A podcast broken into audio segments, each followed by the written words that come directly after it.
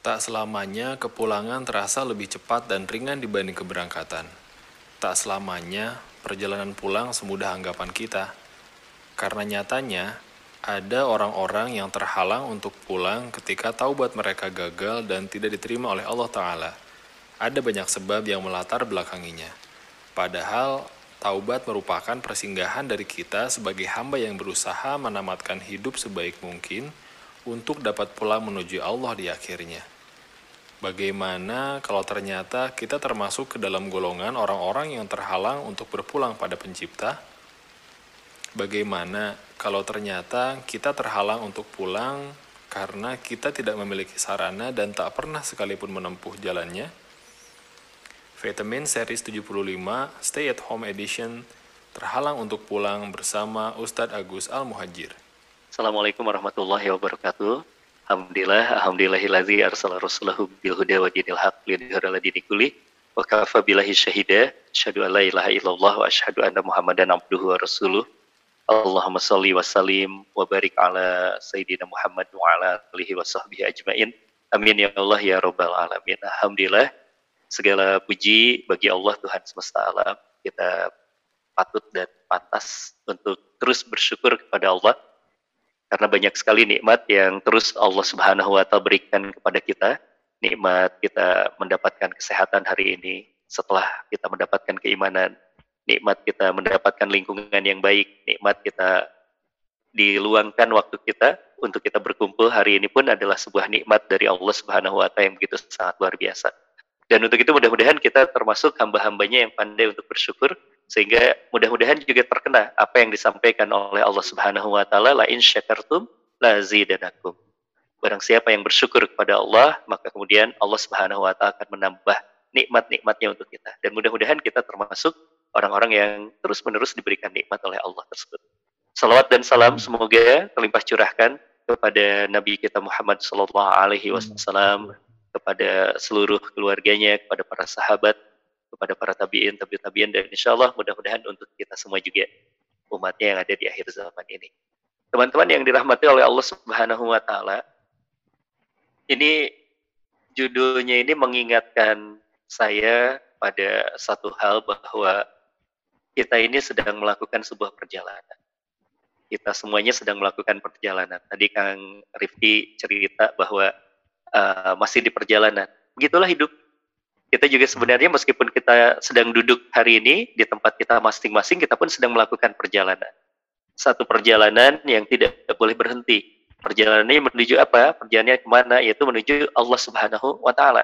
Kita menuju Allah Subhanahu wa Ta'ala. Dan di dalam perjalanan kita menuju Allah Subhanahu wa Ta'ala ini, kadang-kadang kita ini belok kiri, belok kanan. Meskipun hmm. doanya kita itu meminta kepada Allah, ihdinas siratal mustaqim kita meminta kepada Allah adalah jalan yang lurus yang kata Imam Al-Qurtubi uh, beliau di dalam tafsir Al-Qurtubi mengatakan bahwa ketika kita meminta kepada Allah Subhanahu wa taala ihdinas siratal mustaqim itu bersyaratkan sesuatu yaitu jalannya lurus titik paling dekat kemudian tidak berbelok-belok dan langsung menyampaikan kita kepada tujuan kita. Tapi inilah kita manusia yang kadang-kadang lupa ketika kita meminta kepada Allah jalan yang lurus. Dan bahkan kemudian Allah Subhanahu wa taala sudah memberikan jalan yang lurus tersebut. Dan itu pun di, dikuatkan di dalam doa kita. Ya di dalam surat Al-Fatihah masih yaitu ketika kita berbicara tentang ihdinas siratal mustaqim siratal ladzina an'amta alaihim. An'amta alaihim. Kita meminta kepada Allah jalan yang orang-orang yang pernah diberikan nikmat oleh Allah Subhanahu wa taala dan an'am ta'alaihim ini dijelaskanlah oleh Allah Subhanahu wa taala di dalam surat An-Nisa ayat ke-69. Apa penjelasannya? Minan nabiyin wasidikin wasyuhada wassolihin. Yaitu jalan-jalan jalan orang-orang yang sudah tuh dipilih sama Allah, yaitu jalannya para nabi, jalannya orang soleh, jalannya para syuhada, dan jalannya orang-orang yang benar. Nah, ini adalah satu hal yang sudah ditunjukkan langsung oleh Allah Subhanahu wa taala. Tapi inilah kita kita yang sedang diuji oleh Allah Subhanahu wa taala di sebuah perjalanan yang namanya kehidupan dunia ini, kadang-kadang kemudian kita belok-belok juga. Nah, pada saat belok-belok inilah ini yang kita sebut kita lupa terhadap tujuan kita. Sehingga saat kita lupa tersebut, pada saat itulah kita melakukan yang namanya dosa. melakukan kesalahan demi kesalahan. Dan kalau kita bicara tentang hal yang paling berbahaya dalam kehidupan kita, hal yang paling berbahaya dalam kehidupan kita itu itu itu saat kita menyimpang dari jalan yang lurus. Karena Allah hmm. Subhanahu wa taala sudah menetapkan untuk kita hamba yang paling sempurna itu adalah hamba yang paling taat. Karena bahasanya adalah liyabluwakum ayyukum ahsanu amala. Untuk diuji agar siapa pun bisa terbukti untuk melakukan amal yang paling baik. Berarti kalau kita bicara tentang amal yang paling baik ya hasilnya adalah orang yang paling taat. Ini yang paling mulia di hadapan Allah Subhanahu wa taala itu hamba yang paling taat kepada Allah otomatis ketika kita bicara tentang hamba yang paling mulia itu adalah hamba yang paling taat kepada Allah, maka hamba yang paling hina adalah hamba yang paling banyak dosanya. Hamba hmm. yang paling durhaka kepada Allah Subhanahu wa taala. Wa nauzubillahi min dalik. Dan kalau kita bicara tadi tentang dosa, dosa itu sendiri banyak tuh dijelaskan kalau kita sering kan ya di dalam majelis-majelis kita ini saya ingatkan mari kita coba untuk mengambil nasihat-nasihat dari Ibnu Qayyim misalnya Ibnu Qayyim sering mengingatkan kepada kita dari banyak kitabnya beliau, termasuk juga beliau mengingatkan bahwa dosa itu bisa memberikan yang namanya itu noda hitam pada hati.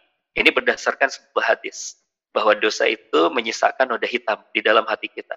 Dan noda itu akan membuat hati kita gelap. Dan konsekuensinya adalah orang yang gelap hatinya maka akan sempit dadanya. Kehidupannya itu akan sempit. Kehidupannya akan sempit. Persoalan kecil jadi besar persoalan yang sebenarnya sederhana jadi rumit. Gara-garanya apa? Bukan masalahnya, tapi dadanya yang sempit. Dan kenapa dadanya yang sempit? Salah satunya penyebabnya itu adalah dengan dosa. Penyebabnya adalah dosa. Nah, ketika kita bicara tentang orang yang sudah terjebak ke dalam dosa-dosa itu sendiri, banyak konsekuensinya. Banyak yang merupakan turunan akibatnya dari perbuatan dosa tersebut. Di antaranya adalah membuat tidak harmoni keluarganya. Masya Allah karena kan kalau kita bicara tentang keluarga, keluarga kita ini disatukan itu karena Allah. Kita meminta uh, kepada Allah Subhanahu wa taala berdoa dulu ya. Ingat mungkin kita ketika kita berdoa untuk mendapatkan jodoh kita mintanya kan ke Allah. Maka kemudian Allah kasih jodoh kita. Kemudian juga diikat dalam sebuah ikatan misalkan galizo.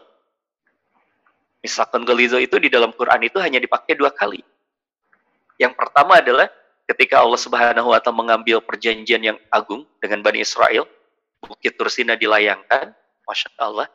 Kemudian mengambil bayat janji setia. Ngaku pada Allah Subhanahu wa taala sebagai Rob. Itu yang pertama digunakannya itu misalkan galiza. Dan yang berikutnya, yang kedua yaitu di pernikahan. Itu Masya Allah.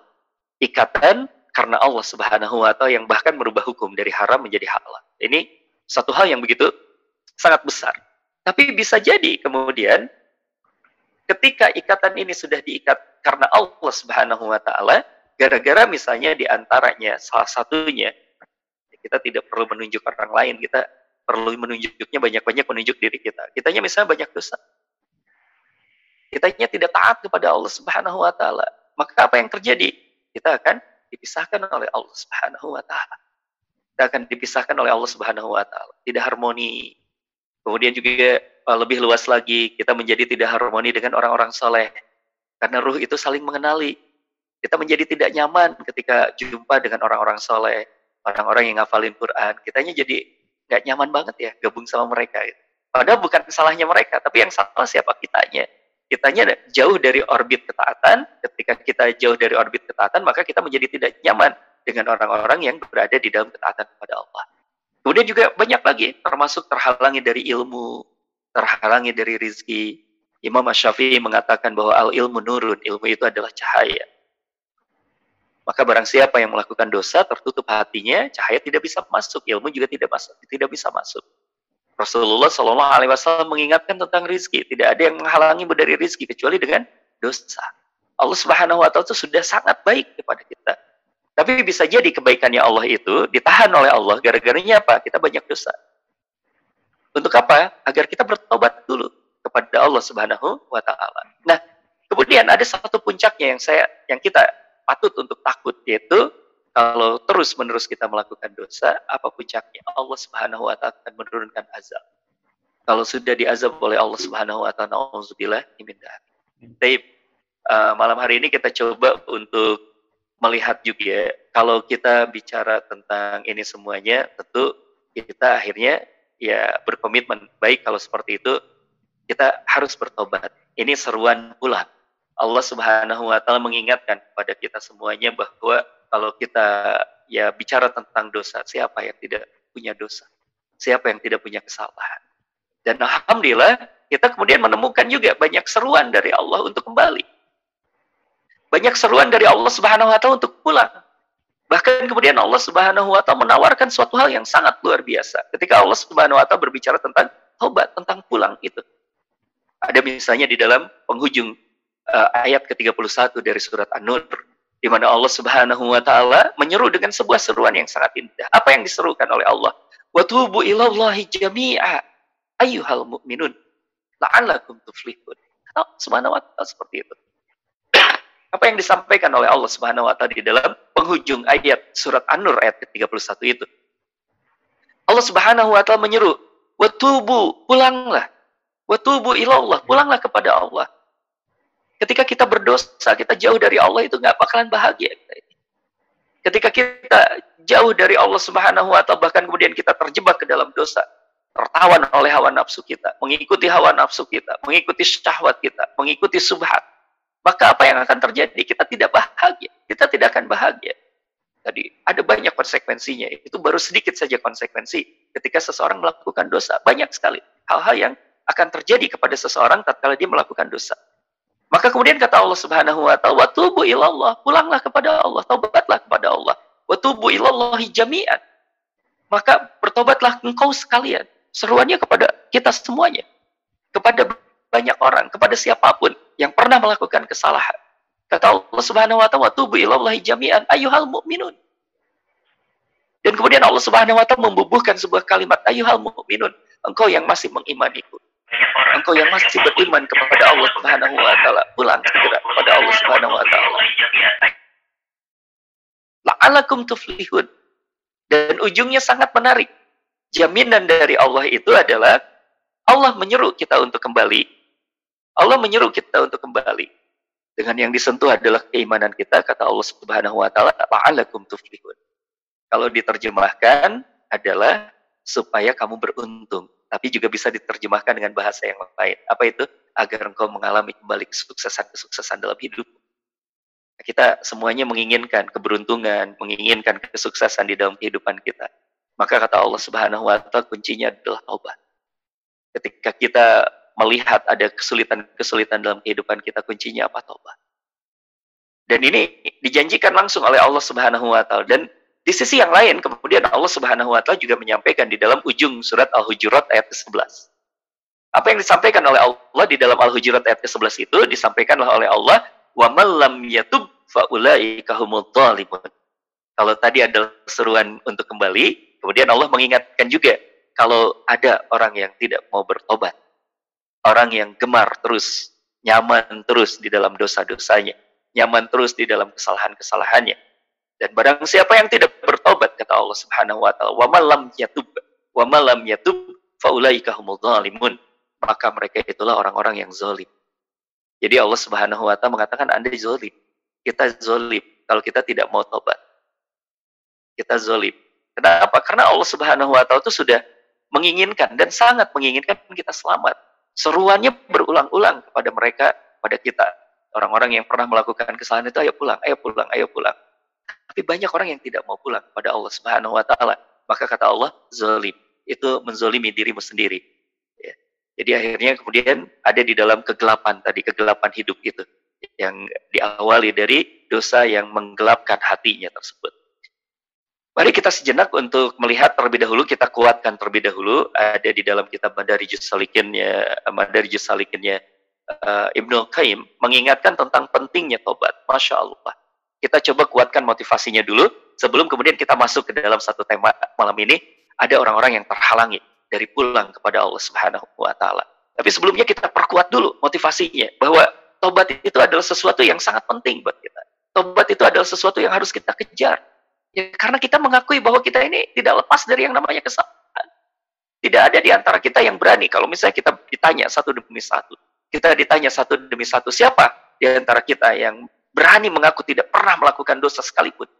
Rasanya kita semuanya mengakui bahwa kita pernah melakukan dosa. Berat buat kita. Kalau kita kemudian mengatakan kita tidak punya dosa, berat sekali buat kita. Tapi kemudian juga yang jadi persoalan adalah sekarang ini kita harus memperkuat untuk motivasi kita, menambah motivasi kita untuk kembali kepada Allah Subhanahu wa taala.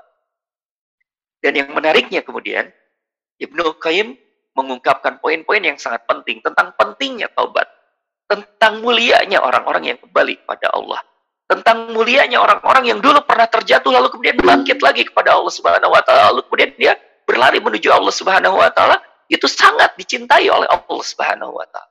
Sangat dicintai oleh Allah Subhanahu wa taala. Coba kita lihat. Yang pertama kata Ibnu Qayyim, bahkan beliau mengatakan taubat itu adalah ubudiyah yang Allah sangat cintai. Ini bagian dari ibadah. Taubat itu bagian dari ibadah. Bagian dari penghambaan, bagian dari haknya seorang hamba, pengakuan seorang hamba, hakikinya seorang hamba. Dia taubat kepada Allah Subhanahu wa taala dan ini ubudiyah yang paling dicintai oleh Allah Subhanahu wa taala, paling mulia. Bahkan Allah Subhanahu wa taala mencintai orang-orang yang bertobat. Mencintai orang-orang yang bertobat. Di banyak tempat Allah Subhanahu wa taala mengingatkan innallaha ghafurur rahim. Innallaha ghafurul wadud. Saking apa tuh? Allah ingin mengatakan, ingin menegaskan statement yang sangat kuat kepada kita bahwa orang-orang yang kembali kepada Allah itu bukan hanya Allah akan hadirkan sebuah jaminan Allah akan terima tobatnya, tapi Allah akan cintai orang-orang yang kembali kepada Allah. Masya Allah. Itu ubudiyah dan ini ibadah. Kalau kita mengucapkan dalam hati kita atau dalam lisan kita, kita mengucapkan istighfar, itu ibadah ya. Masya Allah. Itu ibadah buat kita. Dan itu adalah ubudiyah yang paling Allah cintai. Masya Allah. Allah karim. Bahkan kemudian Ibnu Qayyim menambahkan lagi, taubat itu memiliki tempat tersendiri di sisi Allah yang tidak dimiliki oleh ketaatan-ketaatan yang lainnya. Bahkan Allah gembira menyambut orang-orang yang bertobat. Rasulullah Shallallahu Alaihi Wasallam menceritakan hadisnya ada di Riyadus Solehin. Kurang lebih singkatnya poinnya itu adalah ada seorang yang tersesat di padang pasir. Dia bawa perbekalan, ada tunggangannya, dia tertidur saking capeknya, saking lelahnya. Ketika dia tertidur, dia bangun, lalu kemudian dia melihat tunggangannya itu sudah tidak ada, kabur. Dia sangat uh, apa ya namanya tuh masgul. Ketika masgul seperti itu tiba-tiba datang lagi, ketemu lagi, masya Allah. Dan saking bahagianya kemudian dia berkata, Ya Allah engkau hambaku dan aku adalah Tuhanmu. Masya Allah. Dan digambarkan oleh Rasulullah Shallallahu Alaihi Wasallam lalu Allah tersenyum atas hamba tersebut. Ya tentu laisa kami selesaiun. Allah Subhanahu Wa Taala berbeda. Ya, ini secara tekstual kita terima karena memang teks hadisnya seperti itu. Allah Subhanahu Wa Taala tersenyum. Saking uh, kemudian juga uh, gembiranya melihat hamba tersebut. Ya, yang dijelaskan oleh Rasulullah Shallallahu Alaihi Wasallam itulah kegembiraan seorang hamba ketika menemukan yang namanya itu benda yang dicarinya. Dan Allah Subhanahu wa taala lebih berbahagia lagi, lebih bergembira lagi ketika ada seorang hambanya yang menjauh darinya, ketika ada seorang hambanya yang melakukan dosa jauh dari dirinya, lalu kemudian dia kembali kepada Allah. Lebih bahagia dari seseorang yang kehilangan harta bendanya lalu ketemu kembali harta bendanya. Masya Allah. Bayang ya, kegembiraan Allah itu sangat luar biasa sekali ketika menemukan ada orang yang kembali, orang yang pulang, orang yang tobat. Masya Allah. Bahkan kemudian, di dalam tobat itu, kata Ibnu Qayyim, memang kenapa ini menjadi sangat mulia? Karena orang yang bertobat itu memiliki satu rasa. Apa rasanya? Hina.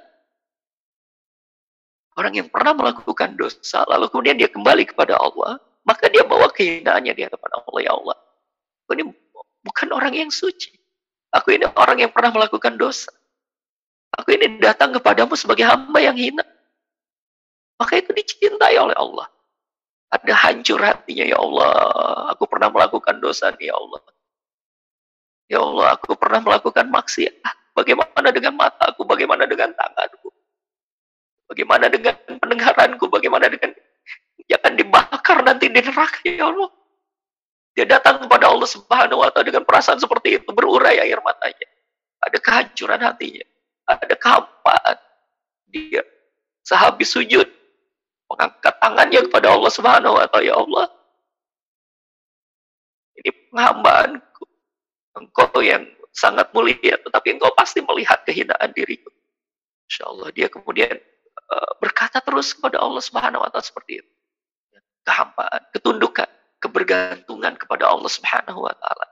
Ini mulianya taubat. Dia sudah kemudian juga semakin bergantung ya Allah ini engkau yang aku harapkan hanya hanya satu-satunya engkau yang aku harap. Dia terus menerus seperti itu kepada Allah Subhanahu wa taala. Maka mulia orang-orang yang bertobat itu. Bahkan kemudian Allah Subhanahu wa taala menjanjikan satu hal ya teman-teman. Apa yang dijanjikan oleh Allah Subhanahu wa taala di dalam surat Al-Furqan ayat ke-71. Apa kata Allah? Illa man taba wa amana wa amila salihan faulaika yubaddilullahu sayiatihim hasanat. Masya Allah. Wa kana Allahu ghafurur rahim. Yang kata Allah Subhanahu wa taala seperti ini. Kecuali orang-orang yang bertobat. Ya. Maka ini kisahnya atau uh, fokusnya itu adalah kepada orang-orang yang bertobat. Orang-orang yang bertobat itu orang-orang yang beriman yang lalu mengerjakan amal soleh maka apa yang dijanjikan oleh Allah Allah menjanjikan kejahatan mereka diganti oleh Allah dengan kebajikan. Masya Allah. Diganti oleh Allah. Orang yang bertobat itu diganti. Bukan hanya dihapuskan. Tapi kemudian dilipat gandakan segala kebaikan-kebaikan. Kebajikannya itu. Dan kemudian Allah Subhanahu wa taala menegaskan di dalam ujung ayatnya ini adalah wa kana Allahu ghafurur rahim. Sesungguhnya Allah itu Maha Pengampun lagi Maha Penyayang. Masya Allah. Nah ini keutamaan. Ya. Nah sekarang pertanyaannya begini. Pertanyaannya begini. Ketika kita sudah tahu dan kita mengakui diri kita ini banyak dosa dan tobat merupakan satu-satunya jalan kita untuk kembali. Pertanyaannya adalah bagaimana agar tobat kita ini diterima? Betul Allah itu maha pengampun. Betul Allah itu maha pengampun. Tapi pertanyaannya adalah, apakah kita termasuk orang yang diampuni oleh Allah? ya. Apakah ada orang-orang yang tidak diampuni oleh Allah? Ada. Apakah ada orang-orang yang yang tidak diterima tobatnya oleh Allah Subhanahu wa taala? Ada. Ternyata. Adakah orang yang tidak diberikan ampunan oleh Allah? Ada. Masya Allah. Maka untuk itu kita coba untuk lihat. Ini yang patut untuk kita waspadai, patut untuk kita benahi di malam hari ini. Kita coba untuk mulainya dari surah At-Tahrim ayat ke-8. Di dalam surat At-Tahrim ayat ke-8, Allah Subhanahu wa taala berfirman, "A'udzubillahi minasyaitonirrajim. Ya ayyuhalladzina amanu tubu ilallahi taubatan nasuha." Sudah populer ayatnya itu. Wahai orang-orang yang beriman, bertobatlah kepada Allah dengan taubatan nasuha. Taubatan nasuha. Nah, kita coba untuk bedah mulai dari ayat tersebut. Apa yang disebut dengan an-nasuh?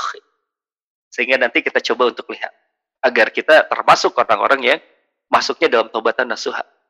Karena banyak juga ya, banyak juga yang uh, kita melihat bahwa ada orang-orang yang kita lihat orang itu tobat atau hijrah, tapi ternyata dia kembali lagi. ya. Maaf. Dia kembali lagi. Dia kembali lagi kepada kejahatannya atau kepada dosanya itu. Sekarang kemudian kita bertanya, apakah itu termasuk tobat yang nasuha? Nah ini kita coba bedah dari kalimat nasuh itu sendiri. Kita coba bertanya kepada para ulama kita, para ulama umat ini, termasuk yang pertama adalah kita bicara bertanya langsung kepada Ibnu Qayyim. Dalam Madari Salikin, beliau mengatakan bahwa yang namanya anasuh itu adalah membersihkan dari kebohongan. Jadi betul-betul, mau tobatnya itu betul-betul membersihkan dari kebohongan dari kerusakan, dari kekurangan, dan mengerjakan sesempurna mungkin taubatnya itu. Itu ukurannya uh, an-nasuh menurut Ibnu Qayyim. Kita coba untuk melihat ke generasi sahabat. Ada penjelasan juga dari Umar bin Khattab. Yang kata Umar bin Khattab, yang namanya taubat an-nasuha itu, an-nasuh itu adalah tidak mengulangi dosa itu lagi. Tidak mengulangi dosa itu lagi. Baru disebut taubat an-nasuh. Taubat nasuha Kita lihat lagi. Kalau kita kembali lagi ke imamnya para tabi'in, Hasan al-Basri radhiyallahu anhu. Beliau kemudian juga mengatakan ada harus ada sesal. Syaratnya harus ada sesal. Itu baru termasuk an-nasuh. Harus ada sesalnya. Harus hadir rasa sesalnya. Itu. Ini kita bahas nanti. Karena ternyata ada orang yang ngomongnya tobat tapi dia nggak nyesal. Kita coba untuk uh, bedah itu ya. Ini Hasan al-Basri mengatakan menyesali dosanya. Uh, dirangkum oleh Muhammad bin Ka'ab al-Qarzi yang kata beliau yang namanya tobat nasuha itu adalah mencakup empat hal. Yaitu istighfar dengan lisan, membebaskan diri dengan anggota badan, artinya tidak melakukan lagi di anggota badannya. Kemudian tekad dengan hati untuk tidak mengulanginya lagi. Ada tekad dari hati untuk tidak mengulanginya lagi. Dan kemudian yang berikutnya ada yang keempat yang harus dilakukan. Kata Muhammad bin Ka'ab al-Qarzi yaitu menjauhi teman-temannya yang masih melakukannya. Itu hijrah. Masya Allah. Ini rangkumannya. Nah berarti kalau kita melihat ke dalam satu penjelasan tentang tobat nasuha ini, tobat itu berarti memiliki syarat tertentu. Syarat tertentu. Baik, teman-teman yang dirahmati oleh Allah Subhanahu wa taala, itu syarat-syaratnya. Berarti kita coba untuk uh, penuhi syarat-syaratnya itu. Kita hadirkan rasa sesal kita.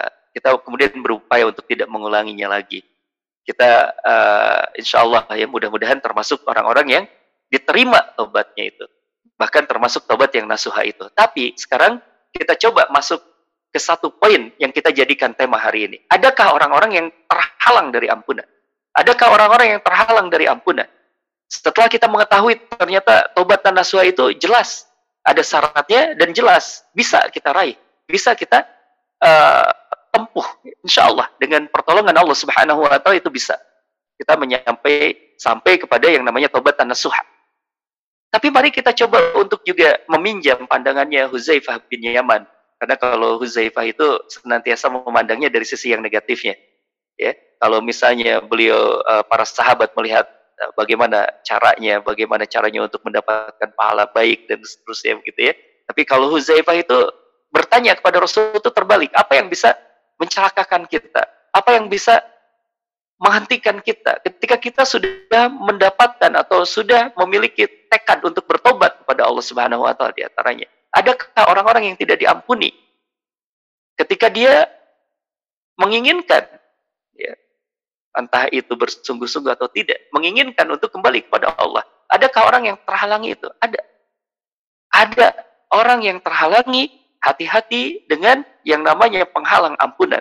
Hati-hati dengan penghalang orang yang ingin bertobat kepada Allah Subhanahu wa taala. Mereka yang terhalang jalannya untuk pulang kepada Allah Subhanahu wa taala. Siapakah orang yang terhalangi jalan pulangnya itu adalah orang yang melakukan dosa di atas kesombongan. Masya Allah. Ini satu hal yang perlu untuk kita evaluasi. Ya karena dua jenis orang melakukan dosa itu. Yaitu orang yang melakukan dosa karena lemah, karena dia masih kalah oleh syahwatnya, oleh hawa nafsunya, lalu dia melakukan dosa itu. Tadi dikatakan tidak mengulanginya lagi. Tapi ternyata ada orang yang sudah bertobat, dia mengulangi lagi. Tapi karena kelemahannya dia. Dia terus mengadukan kepada Allah tentang kelemahan-kelemahannya itu. Nah kalau seperti ini, ini insya Allah orang ini masih punya peluang untuk diampuni oleh Allah Subhanahu Wa Taala meskipun berulang-ulang. Karena kalau misalnya tadi kita meminjam tentang bahasan tobatan nasuha itu, meskipun kemudian Umar bin Khattab mengatakan tidak mengulanginya lagi, para ulama di para sahabat itu, kemudian juga di para tabiin, tabiin, tabiin itu menjelaskan juga lebih lanjutnya. Orang-orang yang kemudian masih ya terjatuh lagi, mengulangi lagi, mengulangi lagi, selama kemudian tekadnya dia ingin tidak mengulangi itu. Selama di dalam hatinya itu sebenarnya kuat, dia ingin kembalinya kepada Allah itu sangat kuat, tapi gara-gara lemahnya, masih lemah, masih lemah, dia lalu kemudian terjatuh lagi, berbuat dosa lagi, berbuat dosa lagi, masih ada peluang untuk itu. Kecuali yang kedua, yaitu orang yang melakukan dosa karena kesombongan.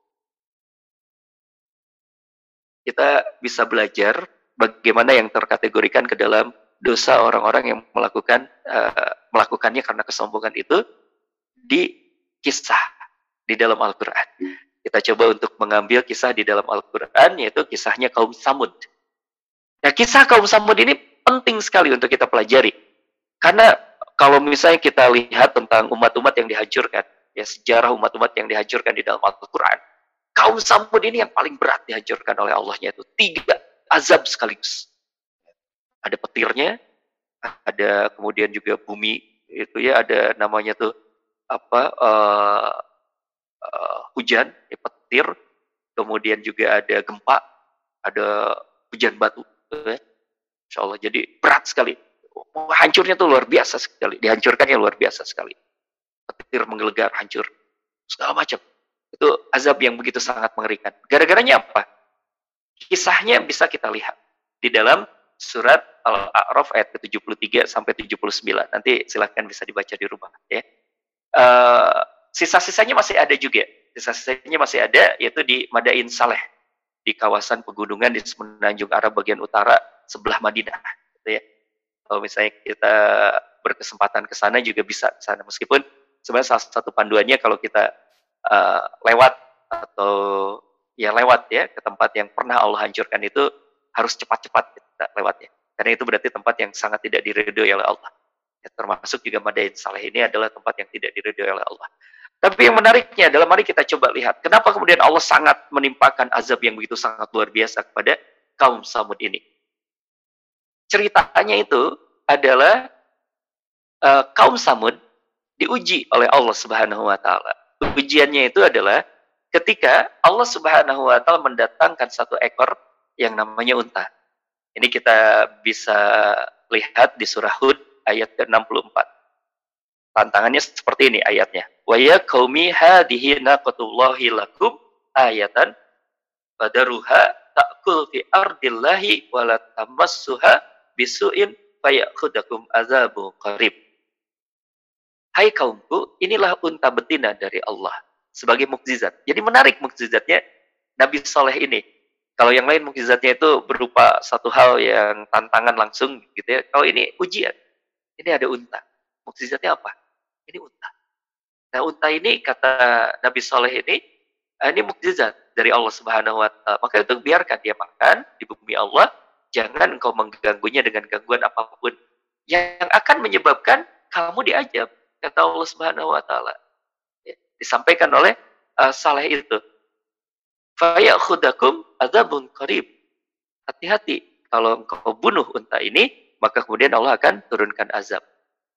Tapi apa yang dilakukan oleh kaum Samud? Kaum Samud menolak dakwahnya Saleh ini, sekaligus kemudian ingin membuktikan itu. Ingin membuktikan itu, nantang. Apa yang terjadi? Terjadilah sebuah peristiwa yang dipelopori oleh sembilan orang laki-laki dan dua orang wanita. Ceritanya seperti itu kita bisa membacanya ya di dalam ayat-ayat yang bercerita tentang Nabi Saleh itu. Ya, awalnya itu diprovokasi oleh dua orang wanita. Maka ini hati-hati nih teman-teman bahwa uh, kerap sekali ya azab itu datangnya, Masya Allah, ya diprovokasi, provokasi dan uh, hati-hati dengan provokasi para wanita, Masya Allah. Ibu-ibu maaf. Uh, tetapi kemudian juga ini adalah merupakan sebuah warning, ya, sebuah warning banyak bapak-bapak yang celaka gara-garanya adalah tidak mampu mendidik perempuan, tidak mampu mendidik istrinya, tidak mampu mendidik anak perempuannya, sehingga kemudian juga akhirnya uh, melakukan hal-hal yang tidak seharusnya. Itu mungkin hikmahnya ya. Tapi ini kisahnya memang seperti itu, berawal dari dua orang perempuan yang sangat benci kepada Nabi Saleh. Dua orang perempuan ini sangat benci kepada Nabi Saleh, lalu kemudian juga yang satu ini satu wanita bangsawan, dua yang keduanya itu adalah wanita tua yang memiliki anak perempuan yang banyak. Nah, satu wanita yang bangsawan ini, ini diceritakan oleh Ibnu Kasir. Ya. Beliau kemudian juga uh, si wanita ini merayu ada uh, seorang laki-laki namanya Misra. Dikatakanlah oleh wanita tersebut, uh, engkau berani nggak bunuh yang namanya unta itu? Kita buktikan bahwa Saleh itu bukan nabi. Ini dia sudah kacaukan, mengacaukan kondisi sosial kita. Kita buktikan bunuh aja. Kamu berani nggak bunuh? Bahasanya kita mungkin seperti itu karena tawaran itu. Kemudian laki-laki itu berkata, apa imbalannya? Wanita ini berkata bahwa imbalannya adalah aku. Masya Allah. Jadi dia menawarkan dirinya uh, dengan syarat bahwa harus dibunuh yang namanya unta itu. Ya seorang wanita yang menawarkan diri, wanita terhormat, wanita bangsawan, dan itu ditawarkan kepada satu orang itu. Ya, ternyata kemudian uh, ada satu wanita lagi yang tadi diceritakan di awal oleh Kasir bahwa seorang wanita tua dia punya anak perempuan banyak. Lalu kemudian dia pun menawarkan, sok siapa yang mau membunuh yang namanya unta tersebut, maka kemudian ini silahkan anak perempuanku dibawa. Masya Allah. Yang ini ditawarkan oleh, uh, diambil oleh Kidar bin Salif. Awalnya cuma berdua laki-laki yang tertarik itu. Tapi kemudian juga akhirnya berkumpul, berkumpul, berkumpul gara-gara pengumuman-pengumuman itu, karena diiming-imingi dengan wanita itu, maka ini ada sembilan orang. Sembilan orang ini pergilah bersekokol untuk membunuh unta yang merupakan unta mukjizat ini, unta larangan dari Allah Subhanahu wa taala itu. Dan apa yang dilakukan disembelihlah. Ini satu kisah yang mengingatkan kepada kita bahwa yang dilakukan oleh kaum Samud itu sudah sangat keterlaluan. Kenapa? Karena melanggar dengan terang-terangan. Melanggar dengan terang-terangan, menantang Allah. Padahal sudah diingatkan oleh Nabi Saleh, jangan dibunuh. Kalau engkau menyembelih unta itu, maka kemudian Allah akan mengazab kalian. Tapi itu dilakukan. Dilakukan oleh sembilan orang ini yang diprovokasi oleh dua perempuan. Masya Allah dibunuh. Nah sekarang pertanyaannya lagi ada pertanyaan, kenapa tidak hanya tidak sembilan orang itu saja yang dibunuh oleh Allah atau yang diazab oleh Allah? Ternyata ada kelanjutannya. Ketika kemudian juga unta itu dibunuh oleh sembilan orang itu yang diprovokasi oleh dua wanita itu, sembilan orang laki-laki yang diprovokasi oleh dua orang wanita itu. Ternyata seluruh penduduk kaum Samud itu gembira meskipun dia tidak membunuh, meskipun umat kaum Samud itu tidak ikut membunuh unta tersebut, tetapi mereka bergembira atas kezaliman itu. Mereka bergembira atas dosa yang dilakukan itu. Mereka mendukung, bahkan kemudian juga menyambut sembilan orang itu bak pahlawan. Masya Allah. Ini kesalahan yang kedua. Kesalahan yang kedua adalah dia bergembira. Meskipun dia tidak melakukan dosa, tapi dia bergembira dan mendukung dosanya. Mendukung, mendukung dosa yang dilakukan oleh orang lain. Dosa yang dilakukan oleh orang lain. Tapi dia mendukung. Dan apa yang dilakukan oleh Allah Subhanahu wa taala dihancurkan semuanya. Yang melakukan dosanya dan yang mendukungnya. Dan itu tidak tidak dinanti-nantikan oleh Allah, tidak lama gitu. Itu peristiwa kehancurannya kalau kita kembali membaca di dalam Quran itu hanya tiga hari. Jadi tiga hari setelah penyembelihan hewan itu langsung kemudian Allah timpakan sebuah azab yang sangat keras kepada kaum Samud. Ikhwatifillah rahimahullah, di sinilah ada sebuah pelajaran besar. Bahwa kalau kita uh, kembali kepada kisah uh, kaum Samud tersebut, ada dosa yang dilakukan karena kesombongan. Itu yang sedang mereka lakukan. Itu yang telah mereka lakukan. Mereka bukan karena lemah. Lagi pula apa urgensinya ngebunuh unta itu? Kecuali kesombongan. Menolak risalah. Menolak kebenaran. Lalu kemudian dia membunuh dengan sengaja. Masya Allah. Nah, tetapi kalau kita belajar tentang Al-Quran ini, tentu ini bukan hanya sebuah kisah. Yang berikutnya yang bisa kita tanyakan kepada diri kita, bagaimana dengan kita? Ya, karena kalau misalnya kepada uh, kaum Samud itu adalah perintahnya atau larangannya jangan bunuh unta tersebut. Kalau kau bunuh unta tersebut, Allah akan azab kau. Tetapi di dalam Al-Quran, nah sekarang kita bicara tentang diri kita. Di dalam Al-Quran pun banyak ayat-ayat yang serupa dengan itu. Allah Subhanahu wa taala banyak mengingatkan manusia tentang jangan lakukan ini kalau enggak Allah benci, Allah murka, Allah tidak suka. Allah akan timpakan uh, di ujungnya ada sariul azab misalnya. Ya. Sesungguhnya Allah itu adalah azabnya itu maha cepat, sangat cepat, sangat pedih. Berarti Allah Subhanahu wa taala sudah mengingatkan inilah yang kemudian dikategorikan oleh para ulama tentang dosa-dosa besar. Dosa-dosa besar itu diancam azab oleh Allah Subhanahu wa taala. Tetapi teman-teman yang dirahmati oleh Allah Subhanahu wa taala, kita pun mari kita bertanya pada diri kita. Kalau kita bicara tentang dosa-dosa besar itu, jangan-jangan ada di antara kita juga yang pernah melakukan itu dan kita melakukannya karena kesombongan. Nah, ini yang bahaya. Tapi kalau misalnya kita melakukan dosa besar itu, ya lagi-lagi karena tadi kelemahan, ketidaktahuan Allah Maha Tapi kalau misalnya ada orang yang menantang Allah dengan melakukan dosa besar itu, dengan kesombongan yang ada di dalam dirinya, maka hati-hati. Allah Subhanahu wa taala akan mengazab orang tersebut. Dan bisa jadi ini adalah masuk ke dalam satu bahasan kita, yaitu orang-orang yang ditolak, orang-orang yang terhalang dari jalan pulang, yaitu orang-orang yang melakukan dosa-dosa besar di atas kesombongannya. Apa saja dosa-dosa besar itu? Ini yang harus kita beri eh, cari tahu. Ya, kalau kita meminjam kepada penjelasan para ulama banyak sekali yang dijelaskan, dikategorikan dari Quran. Kita coba untuk melihat meminjam salah satunya saja dari uh, satu ulama besar namanya adalah Imam Az-Zahabi. Beliau menulis kitab yang namanya Al-Kabair. Di dalam Al-Kabair itu paling tidak ada 70 dosa besar. 70 dosa besar. Dan hati-hati. Kalau kita melanggar, melakukan dengan sebuah kesombongan, misalnya salah satu kesombongan itu kayak gimana sih? Kita mengatakan misalnya, ah, kayak gitu aja. Orang lain juga melakukan. Lalu kemudian kita tidak merasa bersalah. Itu kita melakukan dosa karena kesombongan. Misal, kita lihat ya dari 70 itu saya sebutkan dengan cepat saja untuk ya malam ini kan kita terbatas sekali ya waktunya. Ini hanya untuk mengingatkan kita. Misal ya, kalau nomor satu ini insya Allah kita tidak melakukannya. Itu menyekutukan Allah atau musyrik. Nauzubillah min dalik. Itu dosa besar. Dosa yang paling besar. Kemudian membunuh manusia. Mudah-mudahan kita juga tidak lah insya Allah. Kemudian melakukan sihir. Nah, ini sihir, sihir modern juga banyak ya sekarang ini. Sihir modern banyak hati-hati nih uh, ada main jelangkung, main apa itu sihir maksud. Meninggalkan sholat ini juga termasuk dosa besar. Tidak mengeluarkan zakat ini termasuk dosa besar. Tidak berpuasa ketika bulan Ramadan tanpa alasan yang kuat ini juga dosa besar. Kata Imam Az-Zahabi. Tidak mengerjakan haji walaupun berkecukupan. Ini juga hati-hati. Ya. Ibu, bapak, teman-teman yang sudah ada uh, berkelimpahan atau berkecukupan, apa yang harus kita lakukan? Paling tidak daftar dulu haji ya, sebagai sebuah komitmen bahwa kita ingin melakukan uh, haji.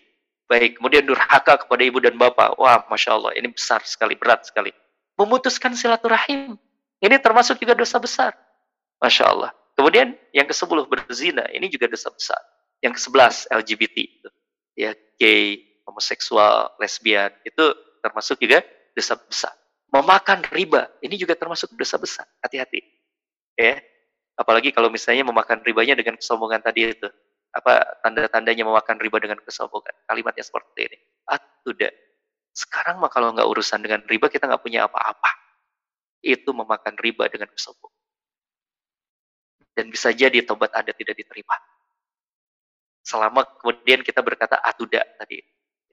Masya Allah. Ini hati-hati dengan ini semuanya. Kemudian memakan harta anak yatim. Ini juga persoalan. Mendustakan Allah dan Rasulnya. Lari dari medan perang. Kemudian juga yang ke-16, kata Imam Mazhabi di dalam kitab Al-Kabair, pemimpin yang menipu dan kejam kepada yang dipimpinnya. Nauzubillah. Kemudian yang ke-17, sombong. Menjadi saksi palsu. Meminum minuman beralkohol. Berjudi. Ini termasuk juga dosa-dosa besar yang kalau misalnya sekali lagi kalau diremehkan seperti tadi itu sebagai tanda kesombongan maka terhalang dari jalan pulang sebelum kemudian memiliki rasa sesal ya. Kemudian juga uh, betul-betul bertobat kepada Allah dengan tobat nasuhat tadi itu. Menuduh orang lain berbuat zina menipu harta rampasan perang mencuri merampok sumpah palsu berlaku zalim. Kemudian juga memungut uh, pajak dengan kejam dengan zalim makan dari harta yang haram, nauzubillah, bunuh diri, berbohong. Ini juga dimasukkan tuh oleh Imam Az-Zahabi. Berbohong dimasukkan oleh Imam Az-Zahabi sebagai bagian dari al-kabair. Hati-hati dengan berbohong itu, ya. Kemudian juga dikatakan hakim yang tidak adil, memberi dan menerima sogok. Masya Allah, dosa besar. Kalau misalnya kemudian ada di antara kita yang berkata bahwa, aduh ini mah ada, gimana tuh kalau misalnya tidak mengeluarkan sogok, nanti SK tidak turun. Hati-hati. Khawatirnya itu termasuk kesombongan dan dosa dilakukan kesombongan tertolak dari jalan pulang. Wanita yang menyerupai lelaki dan sebaliknya juga membiarkan istri dan anak anggota keluarganya berbuat uh, mesum, berbuat uh, asusila, memfasilitasinya, masya Allah. Ya, hati-hati juga ada yang juga melakukan hal ini karena kesombongan bisa jadi. Misalnya ya, ada seorang ibu kemudian berkata, "Nah, kamu tuh nggak pacaran." Masya Allah masa hari gini nggak pacaran? Itu berarti dia sudah menolak hukum Allah dan membiarkan anaknya berbuat mesum dan dia lakukan karena kesombongan. Hati-hati, tertolak jalan pulangnya. Menikahi wanita yang telah bercerai agar wanita tersebut nantinya bisa kembali menikah dengan suaminya terdahulu. Ini juga termasuk terlarang. Tidak melindungi pakaian dan tubuhnya dari terkena hadas kecil seperti air kencing atau kotoran. Ini juga termasuk uh, kalau kata Imam Az-Zahabi adalah dosa besar. Ria atau suka pamer. Ini bahkan dimasukkan oleh Imam Az-Zahabi. Masya Allah. Ya, ria dan suka pamer. Kemudian juga ulama yang memiliki ilmu namun tidak mau mengamalkan ilmunya tersebut. Allah Akbar. Berkhianat. Mengungkit-ungkit pemberian. Ini juga termasuk. Mengungkit-ungkit pemberian pun termasuk hal. Yang kata Imam Az-Zahabi hati-hati ini dosa besar. Dan kalau misalnya sekali lagi dengan kesombongan kita melakukannya, tertolak kita dari jalan pulang. Bisa terhambat kita menuju jalan pulang kepada Allah. Mengingkari takdir dari Allah. Masya Allah. Ya, mencari-cari kesalahan orang lain. Ini juga termasuk. Menyebarkan fitnah. Allah Akbar. Bahkan kemudian yang ke 44 yang mengutuk umat Islam. Ada orang-orang yang mengutuk umat Islam. Kalau ke orang lain baik sekali, ke umat Islam, wah ini mah Islam mah mundur, wah segala macam itu nyinyir terhadap umat Islam hati-hati itu termasuk kesombongan. Berbuat dosa dan kesombongan. Dan itu bisa tertolak dari jalan pulang. Masya Allah. Mengingkari janji. Percaya kepada sihir dan nujum. Ya, hati-hati nih. Sekarang era modern ini ada zodiak lah. Ada kemudian juga ramalan-ramalan ya di Facebook di itu ya. Apa masa depanmu, bagaimana anakmu, masa depan hati-hati itu nujum. Ramalan maksudnya. Durhaka kepada suami, ini juga termasuk dosa besar. Membuat patung untuk disembah, ini juga dosa besar. Menampar pipi dan meratap jika terkena bala, ini juga dosa besar. Mengganggu orang lain, ini termasuk dosa besar, hati-hati. ya Mengganggu orang lain, katanya iseng, pokoknya jadi orang lain nggak nyaman dengan kita, hati-hati. Kemudian juga yang berikutnya adalah berbuat zalim terhadap yang lemah. Mengganggu tetangga, termasuk, hati-hati mengganggu tetangga, menyakiti dan memaki orang Islam, durhaka kepada hamba Allah dan menganggap dirinya baik melecehkan orang lain berarti sombong. Kemudian juga memakai pakaian sutra emas, eh laki-laki ini. Laki-laki yang memakai sutra dan memakai emas. Seorang hamba yang lari dari tuannya. Kemudian menyembelih untuk selain dari Allah. Seorang yang mengaku bahwa seorang itu ayahnya namun dia tahu bahwa itu tidak benar. Berdebat dan bermusuhan. Berdebat dan bermusuhan. Ini diingatkan oleh Imam Az-Zahabi di dalam Al-Kabair. Hati-hati. Ya. Dan saya sedikit khawatir dengan kondisi orang-orang Indonesia sekarang. Ya survei terkini berkenaan dengan minat bacanya kita ini kan rendah sekali. Ada sebuah survei saya baca kemarin itu kurang lebih ada 21 negara yang disurvei, kita ini juara ke-20 gitu ya. Minat bacanya itu dari 21 negara. Berarti kita paling rendah sekali, tapi minat debat kita ini nomor satu, Masya Allah. Gitu ya. Kemudian yang berikutnya adalah enggan memberikan kelebihan air. Ini juga termasuk. Mengurangi timbangan, merasa aman dari kemurkaan Allah. Putus asa dari rahmat Allah pun termasuk dosa besar. Menurut Imam Az-Zahabi hati-hati. Meninggalkan sholat berjamaah tanpa alasan yang benar. Meninggalkan sholat Jumat tanpa alasan yang kuat. Ya kalau uh, sebagian di antara kita ya ada alasan meninggalkan sholat berjamaah sekarang di masa pandemi itu ada alasannya merebut hak warisan yang bukan miliknya, menipu, mengintip rahasia dan membuka rahasia orang lain, mencela Nabi dan para sahabat beliau. Nah, ini 70. Ini hati-hati, teman-teman yang dirahmati oleh Allah Subhanahu wa taala sengaja kemudian malam ini saya ingin menyampaikan list itu, daftar itu biar kemudian kita coba untuk lakukan muhasabah pada diri kita karena hati-hati ini dosa yang hampir sama seperti yang diancamkan kepada kaum Samud itu. Kalau engkau melakukan itu, engkau akan mendapatkan azab. Dan jangan sampai kesombongan. Kita melakukannya dengan kesombongan. Hati, karena kalau kita hal tersebut dengan kesombongan, maka kita termasuk juga orang sudah ini terima. Harus mengikuti terlebih dahulu, ini adalah kesalahan. Jangan menganggap lazim hal tersebut. Karena ini adalah sesuatu yang benci oleh Allah Subhanahu wa taala. Itu yang bisa menghalangi seseorang dari jalan pulang. Terakhir, hari ini satu poin lagi yang ingin saya sampaikan adalah uh, kalaupun kita sudah ingin kembali lagi ya tadi sudah mulai aduh uh, menumbuhkan rasa sesak mau kembali kepada Allah. Tapi ada satu hal. Kita perlu hati-hati juga dengan satu hal ini yaitu ada penjegalnya lagi. Seorang yang sudah memiliki kesadaran seperti itu bisa jadi tidak jadi tobat. Gara-garanya apa? Cinta dunia Apa itu cinta dunia? Salah satunya dalam hal ini yaitu betapa banyak orang yang terhalang dari taubat karena terbebani urusan dunia, misalnya jadi takut miskin. Tadi sudah dikatakan bahwa salah satunya riba. Nah, dia mau taubat, dia mau berhenti dari riba itu, bagaimana? Kemudian ada bisikan takut miskin.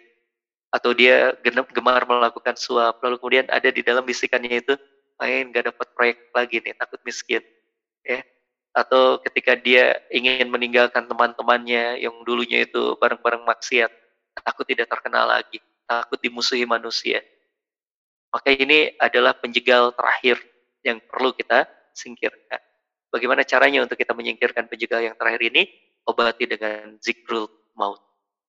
Obati dengan zikrul maut. Dunia ini tidak uh, tidak tidak tidak abadi. Dunia ini sementara, nanti juga kita akan kembali pulang kepada Allah maka tidak apa-apa kita dimusuhi orang lain. Gara-gara kita meninggal, meninggalkan dosa, meninggalkan lingkungan yang buruk, gak apa-apa. Gak apa-apa kita dianggap orang aneh. Ya, di tengah rusaknya zaman ini, gak apa-apa. Kalau ujung-ujungnya kita mati. Kalau kita ujung-ujungnya kemudian juga akan kembali kepada Allah Subhanahu wa taala. Ingat lagi bagaimana kemudian nanti kelak kita akan berdiri di hadapan Allah Subhanahu wa taala. Ingat lagi bagaimana nanti kita di hadapan Allah Subhanahu wa taala akan dibukakan tuh yang namanya catatan amal kita. Mudah-mudahan kita termasuk selamat lah ini. Nah, ini satu hal nasihat untuk kita semuanya. Mudah-mudahan ini bisa menguatkan kita. Hati-hati dengan seseorang yang terhalang dari jalan pulang, yaitu seseorang yang melakukan dosa dengan kesombongan. Yang ditandai dengan tidak merasa menyesal dan menganggap lazim, menganggap biasa perbuatan dosa tersebut hati-hati dengan itu semuanya, maka hadirkan perasaan sakit kita di dalam hati kita kalau kita sudah melakukan dosa itu. Kita terjebak ke dalam dosa, jangan anggap biasa, jangan anggap sepele. Karena ketika kita menganggap biasa, menganggap sepele, khawatirnya itu termasuk dihitung oleh Allah sebagai bentuk kesombongan dan menantang datangnya azab dari Allah Subhanahu wa taala. Nah, untuk itu mudah-mudahan kita termasuk orang-orang yang, yang pandai untuk mengintrospeksi diri kita dan akhirnya Allah Subhanahu wa taala mencatat kita sebagai orang-orang yang ahli taubat. Wallahu a'lam. Kurang lebih seperti itu dulu Kang Rifki barangkali ya. Uh, panjang lebar mudah-mudahan ini bisa menjadi penguat untuk kita semuanya. Wallahu a'lam. Silakan. Masya Allah. Jazakallah Ustaz. Untuk uh, pembahasannya pada malam hari ini. Hal ini cukup bikin shock Ustaz. Karena apalagi tadi pada saat Ustaz cerita tentang uh, macam-macam dosa besar dan yang tanpa sadar mungkin juga uh, kita melakukan hal itu. Dan yang terlebih lagi uh, banyak di antara hal-hal yang termasuk dosa besar yang menjadi sebuah hal yang yang umum di masyarakat gitu kayak yang misalnya tentang perkara kabar perkara kabar sekarang di kafe atau di mana tuh sudah dijual bebas dan orang juga bisa minum. Gitu. Dan perkara riba dan hal yang lain-lainnya gitu. Masya Allah. Semoga kita semua terlindung dari hal-hal yang dosa besar gini. Amin ya Allah. Insya Allah. Uh, Kang Angga mohon izin nih sambil menunggu Bulan. teman-teman jangan ya. bertanya karena mau izin tanya duluan ya. Boleh ya? Silakan silakan. Uh, ini Ustaz. Uh, kan kalau misalkan tadi apa namanya uh, tadi yang betul yang Kang Kang Angga bilang Ustaz ya, ya ternyata, ternyata banyak hal-hal yang kalau kalau kita mungkin taunya dosa besar itu yang kayaknya tuh syirik gitu. Uh, uh, gitu ya kayaknya tuh yang yang yang advance banget kayak misalnya syirik, hmm. bunuh gitu kan, sihir gitu kan ya. Hmm. Tapi ternyata ketika tadi disebutkan banyaknya hal-hal yang kecil yang kayak nggak cuman hanya hubungan kepada Allah tapi hubungan kita sama manusia juga kan. Manusia. Ah, itu. Itu yang itu. Anak sendiri sampai kayak oh ya Allah ya mungkin mungkin secara secara secara pribadi kita semua mungkin yang di sini pernah kali ya usah deh kayak misalkan mengganggu tetangga gitu atau mungkin hmm. juga ingkar janji misalkan gitu kan Ustaz yang maksudnya ini hal-hal yang rasanya tuh apa ya Ustaz ya? Nggak nggak nyangka gitu loh. Maksudnya kita nggak menyangka kalau ternyata wah masya Allah ya ternyata bagaimana Islam menjaga kita untuk mem- menjaga kita tetap berhubungan baik kepada Allah dan juga kepada manusia itu ternyata ya salah satu mungkin sama Imam Az-Zahabi ini kan membagi 70 ini termasuk jadi kayak hal-hal yang kita 70. kecil ternyata itu bisa berdampak besar mungkin kan seperti itu Ustaz ya. Nah, yang jadi pertanyaannya gini Ustaz. Eh, kalau tadi disebutkan, cuman kan eh, kan kadang-kadang gitu Ustaz ya, maksudnya ya tadi ya dengan kondisi kita kita kita lemah gitu Ustaz ya, kita eh, apa mungkin kadang-kadang iman ini eh, apa di dinamika iman itu ya Ustaz ya, yang mungkin Iya. tentu cerita juga kan itu sering terjadi Hmm. yang sampai kemudian akhirnya secara tidak sadar nih, nah tidak sadar kemudian kita nah, apa akhirnya melakukan hal-hal yang tadi disebutkan eh, oleh Imam Az-Zahabi ya eh, termasuk di dalam 70 dosa besar yang terutama sih kalau menurut eh, saya yang berhubungannya sama manusia. Lalu kemudian eh, apa namanya? eh kira-kira nih Ustadz ya maksudnya kalau tadi kan eh, yang disebut kesombongan yang tadi Ustadz jelaskan itu kan ketika ketika apa ya? Ketika dengan sadar gitu ya Ustadz ya.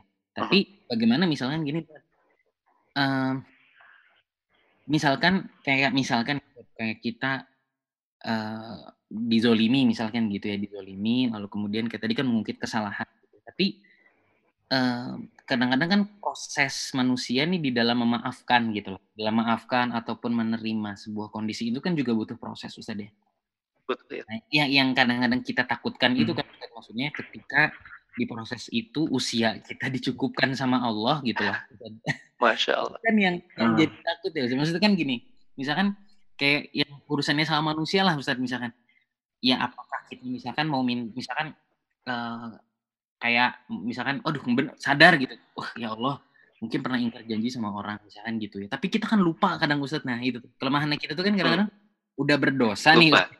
dosanya sadar inget dosanya Hmm. lupa gitu loh. Dulu itu dosa detil det tapi apa namanya eh detailnya gimana gitu ya kayaknya lupa gitu. Nah cuman kan kita juga sadar bahwa Allah bisa panggil kita kan kapan aja Ustaz ya. Maksudnya kita juga nggak pernah tahu itu gimana ya Ustaz ya? Biar bisa mengondisikan kita tetap ada di dalam Mhm.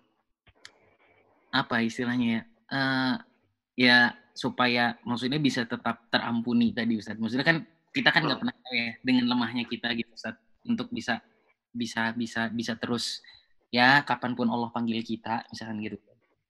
Hal-hal yang tadi kan kita nggak pernah tahu itu ter- dikategorikan sama Allah sebagai dosa besar atau hanya ternyata dosa kecil tapi supaya kita tetap mawas diri Ustaz dan dan harapannya semoga ada ada nggak tipsnya tuh supaya ya insya Allah Allah bisa mengampuni kita walaupun ya mungkin kita tanpa sadar melakukan dosa besar tadi gitu loh Ustaz yang yang tentunya tentunya tadi ya kalau dengan kesombongan mungkin lain cerita. Tapi tadi kan ketika ada beberapa ketika kita melakukan dosa besar masih butuh proses gitu Ustaz apakah kayak tadi memaafkan misalkan. Jadi kadang-kadang bisa setelah melakukan ada ada kesalahan orang aduh untuk memaafkan orang itu kadang butuh proses gitu kan Ustaz ya nah khawatirnya tuh pas lagi proses ma- proses apa ya hati ini dibersihin gitu Ustaz. Allah panggil kita gitu. Kan itu Allah. cerita tuh Tat, gitu. Nah itu gimana Ustaz? Mhm. Afwan pertanyaannya agak berbelit nih Ustaz. Eh, bisa ditangkap insya Allah. Baik, eh, yang pertama adalah ini mengingatkan kita bahwa eh, bahwa tadi ya yang diingatkan di awal itu dosa yang tadi sulit untuk menemukan jalan pulangnya itu adalah dosa yang dilakukan dalam sebuah kesombongan. Ya. Kesombongan itu berarti adalah dia tahu kan, dia sadar melakukan hal itu. Tapi kemudian dia menentang, ngeyel, dia sengaja melakukan itu. Dia sengaja dan dia tidak takut untuk dihukum. Bahkan dia menantang untuk datangnya hukuman itu. Maka itu adalah bagian dari kesombongan. Bagian dari kesombongan. Misalnya Hmm. ya, dalam misalnya tadi satu kasus mengingkari janji misalnya. Nah, Kita uh, berjanji kepada orang, ya oh, besok lah. Tapi sebenarnya dalam hati kita, ah nggak mungkin besok. Nah itu berarti sudah da- dalam bentuk kesadaran, dia sudah bentuk kesadaran, dia ingin mengingkari janjinya, ya. Bahkan kemudian juga kita misalnya ini mohon maaf ya, ini mengingatkan diri saya juga. Kalau misalnya kita diundang oleh orang lain, datang ya ke walimah ya. Ditulis ada undangannya ditulis gitu ya dan kita uh, berkata ya saya mau datang insya Allah tapi dalam hati kita itu sudah mengatakan tanggal segitu saya nggak bisa sih sebenarnya ada urusan ah itu berarti kita sudah janjinya uh, diingkari sudah berniat ya. itu sadar berarti jadi bahkan kalau misalnya hmm. ini salah satu panduannya kan kalau kita misalnya diundang atau uh, berjanji pada orang lain, lebih baik kita berkata jujur maaf, aduh tanggal segini saya nggak bisa ya hadir ke walimahnya antum, nggak bisa hadir ya ke hajatannya anda gitu ya. Kita lebih baik seperti itu agar kemudian tadi kita tidak termasuk orang yang tidak menepati janji. Banyak sekali ada yang tidak menepati janji itu. Ada misalnya sudah di dalam benaknya itu ketika dia disumpah jadi pejabat misalnya ya, dia disumpah jadi pejabat, disumpah bahwa dia akan berlaku adil dan seterusnya. Sementara di dalam pikirannya itu sudah mau korupsi dan seterusnya. Itu berarti sudah dari awal dia memang berniat untuk itu dan dia berarti melakukan dosa dengan kesombongan dan dia akan agak sulit untuk kembali ke jalan pulangnya itu selama kemudian dia menghindarkan atau menghabiskan terlebih dahulu kesombongannya itu dia benar-benar bertobat mengakui kesalahan-kesalahannya itu lalu kemudian dia mengakui dosanya itu dan dia insya Allah uh, lalu ada jalan untuk dia kembali. Tapi kasusnya yang kedua, tadi kasusnya adalah kita memang tahu ini tuh dosa-dosa besar. Ini tuh tahu hmm. bahwa itu dosa. Tapi kemudian gara-gara kita lemah, lalu kita melakukan hal tersebut. Apa yang bisa kita lakukan? Kita tinggal bertobat saja kepada Allah Subhanahu wa taala. Apalagi kalau bahasanya kita nggak sadar, kita nggak tahu. Uh, kalau nggak tahu dan nggak sadar itu tidak kena hisap. Kalau hmm. nggak tahu dan nggak sadar ya, karena pena itu kan terangkat dari orang yang tidak tahu. Kalau misalnya kita sudah diberitahu seperti sekarang ini, maka hisapnya sudah mulai berubah. Hmm. Hisapnya sudah berbeda lagi. Jadi hati-hati kalau kita sudah tahu kita melakukan itu, maka hisapnya menjadi lebih berat lagi. Nah, Uh, jadi insya Allah kalau misalnya kita melakukannya karena kelemahan atau karena ketidaktahuan kita dan kita juga masih butuh waktu untuk itu ya kita mohon kepada Allah Subhanahu Wa Taala kita minta tolong kepada Allah agar Allah Subhanahu Wa Taala memampukan kita untuk bertobat. Uh, pada saat kita minta tolong kepada Allah di sinilah berarti tidak ada yang namanya sombongan dan kita mengadukan kelemahan diri kita kepada Allah Subhanahu Wa Taala. Gitu ya. Baik, silahkan. Allah. Nah, Masya Ustaz ini ada ada ya, pertanyaan ya. Ustaz. Ini uh, Ustaz izin bertanya dalam kasus riba. Setelah ikut kajian ini kan kita tahu bahwa itu adalah dosa besar. Terus menantang, ah iya gitu, ah cobain aja. Karena baru yang pertama. Kalau nanti udah ada keuntungannya, nanti aku akan bagikan kepada anak yatim. Nah, pada saat setelah itu nggak keburu ingin untung malah jadi buntung. Akhirnya kelilit hutang sampai pilot. Terus pada akhirnya bertobat. Itu gimana kasusnya Ustadz? Iya. Kayaknya kalau dalam kasus Ah, Kak Enggak. Oh, tadi keputus Kak Enggak. Oh iya, tadi sampai mana ya? Itu, itu gimana kasusnya? Nah. Oh itu gimana? Kayaknya ah, iman iya, sombong. Baik. Uh, pertama adalah saya ingin menyampaikan tentang bagaimana penyikapan seorang beriman terhadap ayat. Uh, di dalam Al-Quran, di awal-awal surat Al-Baqarah, itu Allah Subhanahu wa Ta'ala menyampaikan sebuah ayat dari kitabul la raibafih. Hmm. Kitab Al-Quran ini adalah sebuah kitab yang la raibafih maka kemudian juga tidak ada keraguan. Nah, ayat tentang riba itu ada di dalam Al-Quran. Bahkan kemudian di dalam Al-Quran itu Allah Subhanahu Wa Taala mendeklarasikan perang terhadap siapa pun yang mengambil riba. Ya, Allah mengatakan engkau sedang berperang. Allah berperang kepada orang-orang yang mengambil riba. Nah ini berarti keras sekali. Artinya adalah siapa juga yang bisa menang kalau perangnya melawan Allah. Kalau perangnya melawan saya bisa jadi menang Anda. Tapi kalau misalnya perang yang melawan Allah, siapa yang bisa menang perang melawan Allah? Ini yang menjadi sebuah persoalan, ya. Satu itu. Jadi, tatkala dia berkata, ya gitu, maka imannya sedang bermasalah. Karena di dalam sebuah ayatnya itu la raiba Satu kategori dan satu ciri orang yang beriman itu adalah ketika menerima ayat, ketika menerima ayat sam'an wa ta'atan. Dia akan mendengar dan dia akan taat karena dia mengatakan la raiba. Imam Malik uh, rahimahullah mengatakan kan dengan sebuah prinsipnya, kalau yang berkata manusia, Anda bisa tolak, Anda bisa terima, Anda bisa tolak se sebagian, Anda bisa terima sebagian. Tapi kalau misalnya yang berkata adalah Rasulullah, yang berkata adalah Allah, Anda tidak bisa tolak. Nah, ini persoalannya di situ, ya. Hmm. Jadi dalam kacamata uh, pandang kita, kalimat tadi pertanyaannya tadi itu adalah ketika dia mengatakan iya gitu, nah itu juga sudah persoalan. Karena dia hmm. sudah bermasalah dan sudah mempermasalahkan ayat satu. Kemudian apalagi ada, ah saya coba tuh. Ketika dia coba, itu masuknya kepada kesombongan. Tadi masalahnya adalah masalah keimanan, yang kedua masalah kesombongan.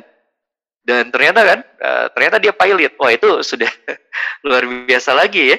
Sudah dia uh, beriman iman yang bermasalah, kemudian ada kesombongan, dia mencoba, ternyata dia pilot. Waduh, masya Allah, masya Allah. Ini luar biasa. Nah kalau dia bertobat, tapi ujungnya tadi bagus pertanyaannya ketika dia akhirnya bertobat kepada Allah Subhanahu wa taala. Ya mudah-mudahan Allah Subhanahu wa taala mengampuni. Karena uh, kalau misalnya Allah Subhanahu wa taala uh, itu kita kenali asma wa sifatnya kan Allah itu Maha Pengampun. Cuma tadi harus diakui dulu bahwa yang kemarin itu yang dia lakukan itu adalah bagian dari kesombongan, bagian dari lemahnya iman. Akui dulu sebelum dia bertobat atas dosa ribanya, tapi dia harus bertobat terlebih dahulu atas kesombongannya. Itu terlebih dahulu ya uh, dia bertobat dulu atas kesombongannya, dia bertobat dulu atas uh, dia penolakan terhadap ayatnya itu. Nah, baru selepas itu dia bertobat atas dosanya, dosa ribanya itu. Ya, saya ingin coba untuk lebih uh, mengklirkan lagi, misalnya uh, kan ada orang yang belum tahu mungkin waktu awalnya belum tahu atau dalam kondisi yang ya gak jelas lah ya, dia terjebak ke dalam riba Misalnya dia terjebak dalam riba. Lalu kemudian dia berkata, saya sekarang sadar nih, saya terjebak ke dalam riba. Lalu kemudian dia berupaya keras untuk keluar dari riba. Nah, itu satu tobat. Cara tobat yang baik. Tapi kalau misalnya orang tersebut sudah tahu dari awal, tapi dia mencoba untuk terjun di dalam riba itu, dia libatkan dirinya di dalam riba itu, nah ini yang menjadi persoalan tadi itu. Ini yang eh, khawatirnya termasuk adalah penolakan terhadap ayat karena dia sudah ada ilmunya. Nah, termasuk juga hmm. bagian dari taubat orang yang pernah terjerat riba itu adalah jangan bikin riba baru. Jangan dia kemudian juga terlibat di dalam riba yang baru, tapi yang sekarang selesaikan dulu. Ada uh, banyak ya skema-skemanya yang bisa dilakukan gitu ya. Jadi ini adalah sebuah persoalan yang sangat penting, krusial dan ini memang di tengah masyarakat kita ini sering sekali dianggap sepele ya hal seperti ini. Pada ayat keras sekali. Allah menantang perang kepada siapa pun yang terlibat di dalam riba itu. Alhamdulillah, imendali. Kurang lebih seperti itu ya untuk penanya tadi. Ah, Barakallahu uh, pertanyaan selanjutnya, uh, ya. Ustadz, Bismillah, Ustadz uh, mau bertanya, apakah dengan telah melakukan empat kriteria dari taubat dan nasuha tadi, dosa-dosa kita sudah terampuni? Uh, dan apakah ada sholat uh, sunnah khusus, misal dengan sholat uh, sholat taubat, gitu Ustadz? Pertanyaan. Iya, yeah. insya Allah. Ya, yeah. uh, Bismillahirrahmanirrahim. Subhanakala Uh, yang pertama adalah kalau masalah diterimanya tobat kita atau tidak diterimanya tobat kita kan itu adalah haknya Allah ya. Tapi kan sudah disampaikan tadi beberapa indikatornya disampaikan oleh Ibnu Qayyim, disampaikan oleh Umar bin Khattab, disampaikan oleh Hasan Al Basri. Mudah-mudahan kalau misalnya itu uh, ter apa terpenuhi indikator-indikatornya kan mereka juga tidak berbicara tanpa ilmu. Umar bin Khattab apalagi Hasan al-Basri juga adalah seorang ulama yang besar pada zamannya dan sampai sekarang kemudian kita akui sebagai ulama besar, imamnya para tabi'in. Maka jika sudah tercapai kriteria-kriterianya itu paling tidak empat kriteria itu ya mudah-mudahan itu termasuk juga jalan pengampunannya Allah Subhanahu wa taala. Kita berhusnuzon kepada Allah. Toh kriteria yang kita ketahui sudah kita jalankan. Dan jika itu sudah kita jalankan, insya Allah berarti janji dari Allah mudah-mudahan kita dapatkan juga insya Allah. Ya peluang untuk itu besar. Jangan putus asa dengan rahmatnya Allah. Jangan putus asa dengan uh, pengampunnya Allah Subhanahu Wa Taala. Kalau kita sudah menempuh jalannya sudah memenuhi syaratnya insya Allah kita akan temukan Allah Maha Pengampun Barakallahu fiik. Lanjut Ah. Mangga, ada pertanyaan lagi berikutnya. Iya ada pertanyaan lagi masih nyambung dengan yang tadi Ustaz. Cuma ada plot Iya. twist sedikit. Ada tambahannya sedikit. Ya, Hmm. plotnya agak berubah dikit. Tapi kalau udah keburu riba, tidak keburu buntung, ingin tobat di perjalanan. Apa yang harus dilakukan? Yang pertama lunasi hutang sampai selesai atau jual aset. Ini juga mungkin ada beberapa kasus juga yang ingin menghindari riba tapi pada ujungnya setelah riba tapi eh, hutangnya tidak diselesaikan juga ya. Iya, eh, satu hal dalam pandangan kita bahwa kalau sudah berhutang, maka harus dibayar hutangnya. Ya, dalam Islam itu hutang itu harus dibayar. Karena eh, bahkan seorang mujahid sendiri yang syahid di medan perang, kalau dia masih punya hutang, itu berat sekali. Kayak orang yang paling berbahagia termasuk juga di masa pandemi ini adalah orang yang nggak punya hutang. Dan alhamdulillah saya bersyukur kepada Allah saya nggak punya hutang seribu pun. alhamdulillah. Baik, nah itu satu hal. Kemudian juga yang eh, menariknya adalah bagaimana ketika kita sudah terlanjur itu tadi sudah sedikit saya ingin eh, lebih teknis lagi, lebih teknis lagi. Bagaimana nih kalau misalnya misal ya realnya kita eh, membeli rumah dengan cara riba misalnya, realnya seperti itu. Apa yang bisa kita lakukan dulu eh, untuk menyelesaikan ini? Kalau kita alihkan kepada orang dijual gitu ya, over kredit pada orang lain, itu kan sama saja dengan mengoperkan dosa ribanya kepada orang lain.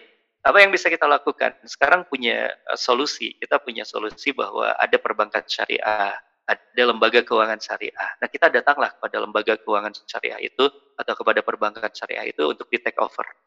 Untuk di take over oleh eh, lembaga perbankan syariah itu atau lembaga keuangan syariah itu. Sehingga kemudian itu menyelesaikan utang ribanya dibayarkan dulu oleh eh, perbankan syariah itu atau lembaga keuangan syariah itu sehingga kita urusannya kita berakad lagi dengan yang namanya perbankan syariah itu akadnya hutang tapi insya Allah tidak ada ribanya ini ada ada ada solusi. Solusinya real bisa kita lakukan. Itu bisa di take over. Meskipun sekarang saya nggak tahu kondisinya apakah kemudian perbankan syariah eh, dengan kesulitan ekonomi sekarang ini masih mampu melakukan scam seperti itu. Tapi eh, secara resminya di dalam perbankan syariah ada hal yang seperti itu. Bisa kita minta ya datang ke lembaga syariah bahkan kemudian juga eh, kalau yang sepengetahuan saya pernah juga membantu ada beberapa orang ada yaitu ada orang yang pernah bermasalah dengan eh, lembaga keuangan ribawi seperti itu itu ditanya juga ke lembaga keuangan ribawinya itu kepada banknya itu pak punya partner syariah enggak oh ternyata ada. Bisa nggak ini di take over dulu sama syariah? Dibantu ternyata bisa gitu. Nah ini eh, solusi sudah terbentang di depan mata kita jadi jangan sampai justru mengambil solusi kita nggak mau bayar. Oh ini kan eh, riba. Jadi akadnya juga tidak tidak sah. Enggak anda sudah berhutang dan hutang itu harus dibayar. Hutang itu harus dibayarkan. Dan tergantung eh, apakah eh, ter- itu ya terlepas dari ini akadnya kan dulu riba saya nggak tahu itu. Ya anda sudah mengambil hutang. Yang penting itu. Dan itu hutangnya harus dibayar. Hutangnya harus dibayar. Bagaimana caranya? Berarti caranya adalah kita carikan sebuah hal yang tadi eh, berkenaan dengan syariah itu dan kita bisa minta eh, pada lembaga keuangan syariah untuk kita perbaiki akadnya dengan cara di take over dulu dan nanti kita berarti berurusannya hutangnya dengan lembaga keuangan syariah. Kurang lebih seperti itu mudahnya. Allah. Ya, Pusat, eh, insya Allah ya tadi sebenarnya sudah mulai banyak solusi ya. Eh, ya itu buat jadi solusi buat mereka yang berhutang. Ya, hatur nuhun Kang. Pertanyaannya juga, Ustadz tadi yang pertanyaan ketiga tadi ada satu yang belum terjawab. Yang adakah sholat sunnah khusus untuk Oh, masya Allah. nah, tadi? Iya, ada eh, sebenarnya dalilnya dalil umum saja. Dalil umumnya bahwa barang siapa yang melakukan dosa, itu kan ada dalil umumnya perbuatan baik itu akan menutup perbuatan buruk. Hmm. Maka ini bisa dilakukan. Ini bisa dilakukan. Ada juga satu hadis. Ya, tapi hadis ini jangan jangan dijadikan modus.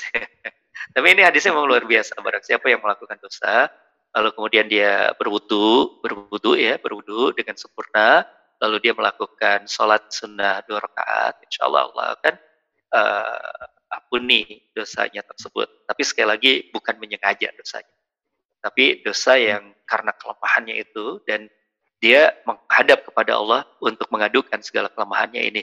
Inilah yang oleh para sebagian ulama disebut sebagai sholat tobat. Hmm. Itu oleh sebagian ulama disebut sebagai sholat tobat. Jadi hanya pengistilahan saja.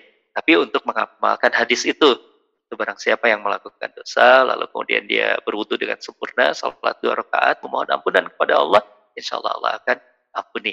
Yang sekali lagi itu diberi nama oleh sebagian ulama, karena kan ya ulama-ulama di Indonesia ini menarik ya. Uh, tipe, tipologi kita nih orang-orang Indonesia kan sering bertanya ini namanya sholat apa gitu. Ya. Nah para ulama hmm. terdahulu di negeri kita dengan sangat bijaknya kemudian mengatakan itu namanya sholat tobat gitu ya. Hmm. Jadi itu hanya untuk mengidentifikasi saja ya. Kalau hmm. kita cari ya agak ini. Tapi itu mengamalkan hadis yang tadi.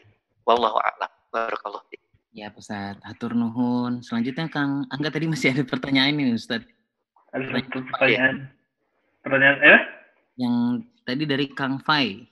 Dari Fai. Bismillah, Ustaz. Bagaimana bila melakukan dosa di bulan haram? Apakah pasti diberikan azab meski telah bertaubat? Dan bagaimanakah cara menghindari azab? Masya Allah.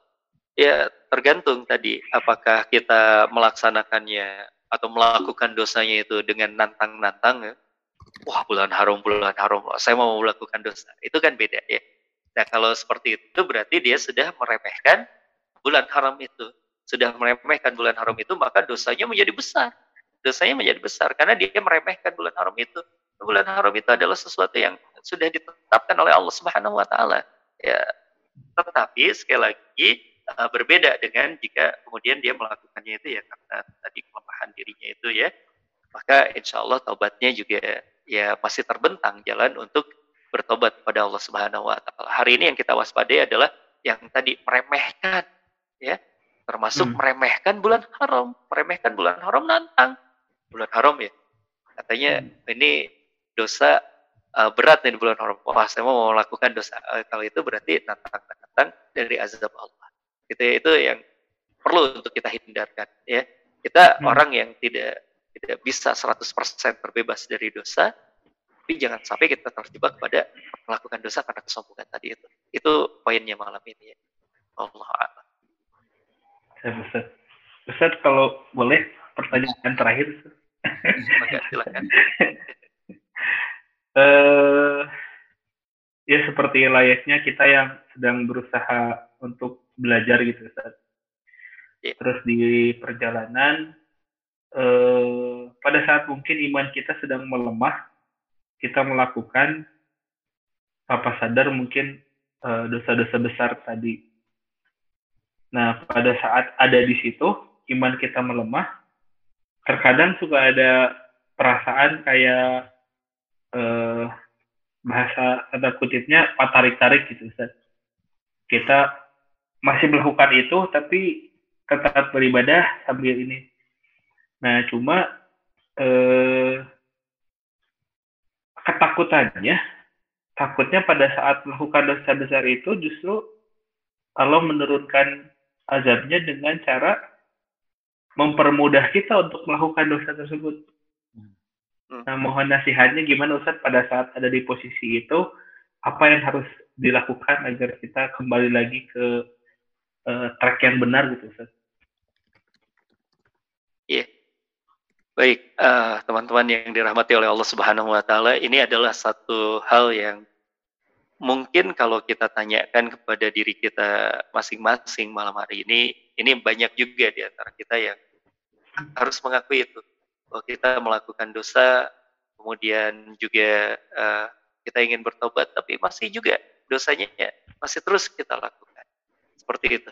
Nah, uh, ada satu hal saya pernah menyampaikan juga kalau tidak salah di series berapa ya ketika kita di Maimaskub bahwa ternyata salah satu orang yang diseru oleh Allah Subhanahu wa taala untuk masuk ke dalam surga itu salah satunya yang pertama kali yang dipanggil oleh Allah Subhanahu wa taala itu adalah justru orang-orang yang seperti itu yaitu orang yang tidak putus asa dengan tobatnya kepada Allah Subhanahu wa taala. Dia melakukan dosa, dia terjatuh lagi, dia tobat lagi, dia berdosa, lemah lagi, dia terus bertobat lagi dan dia tidak putus asa kepada Allah Subhanahu wa taala. Maka ini justru yang dipanggil oleh Allah Subhanahu wa taala untuk masuk surga pertama.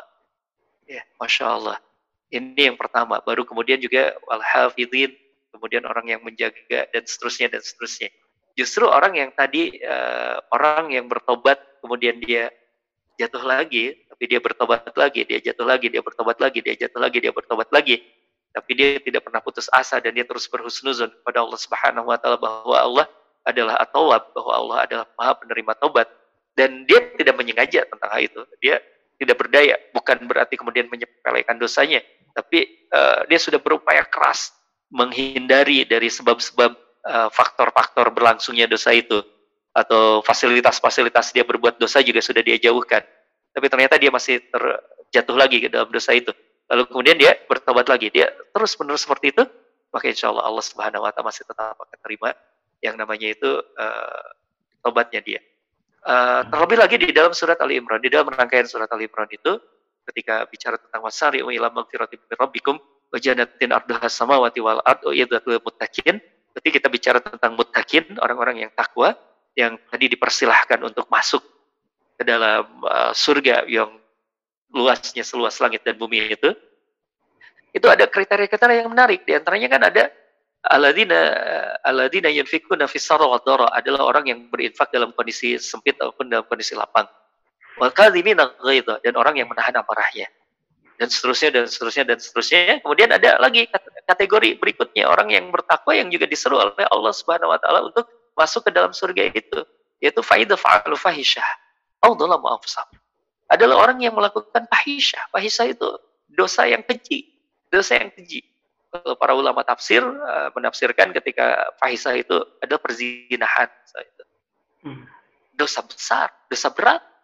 Tapi dia kemudian juga berhenti atas dosanya itu, lalu kemudian dia menghentikan segalanya, dia berzikir, dia bertobat kepada Allah, dia menyebut nama Allah Subhanahu wa taala uh, sebanyak-banyaknya, maka itu pun termasuk orang-orang yang kategorinya bertakwa. Masya Allah. Masih masuk ke dalam kategori orang yang bertakwa dan masih termasuk kategori orang yang nanti akan dimasukkan oleh Allah Subhanahu wa taala ke dalam surga yang dijanjikannya. Masya Allah. Jadi hmm. jangan putus asa. Jangan putus asa terhadap dosa sehingga apa pun kita, selama kita tidak melakukannya atas dasar kesombongan, masih ada jalan kembali dan karena Allah Subhanahu wa taala juga memanggil orang-orang yang berdosa itu kan dengan sebutan yang sangat indah. Uh, ya ibad, wahai hambaku, ya ibadiyallazina asrafu Wahai hambaku yang berlebihan atas dirinya sendiri, Masya Allah.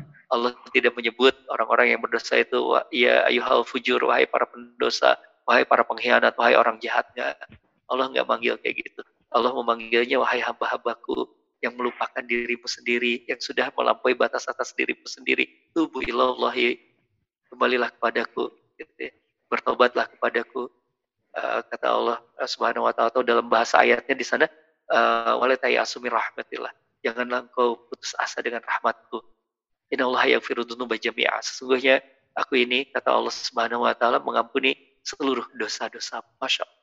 Mengampuni dosa-dosa yang banyak itu jami'at.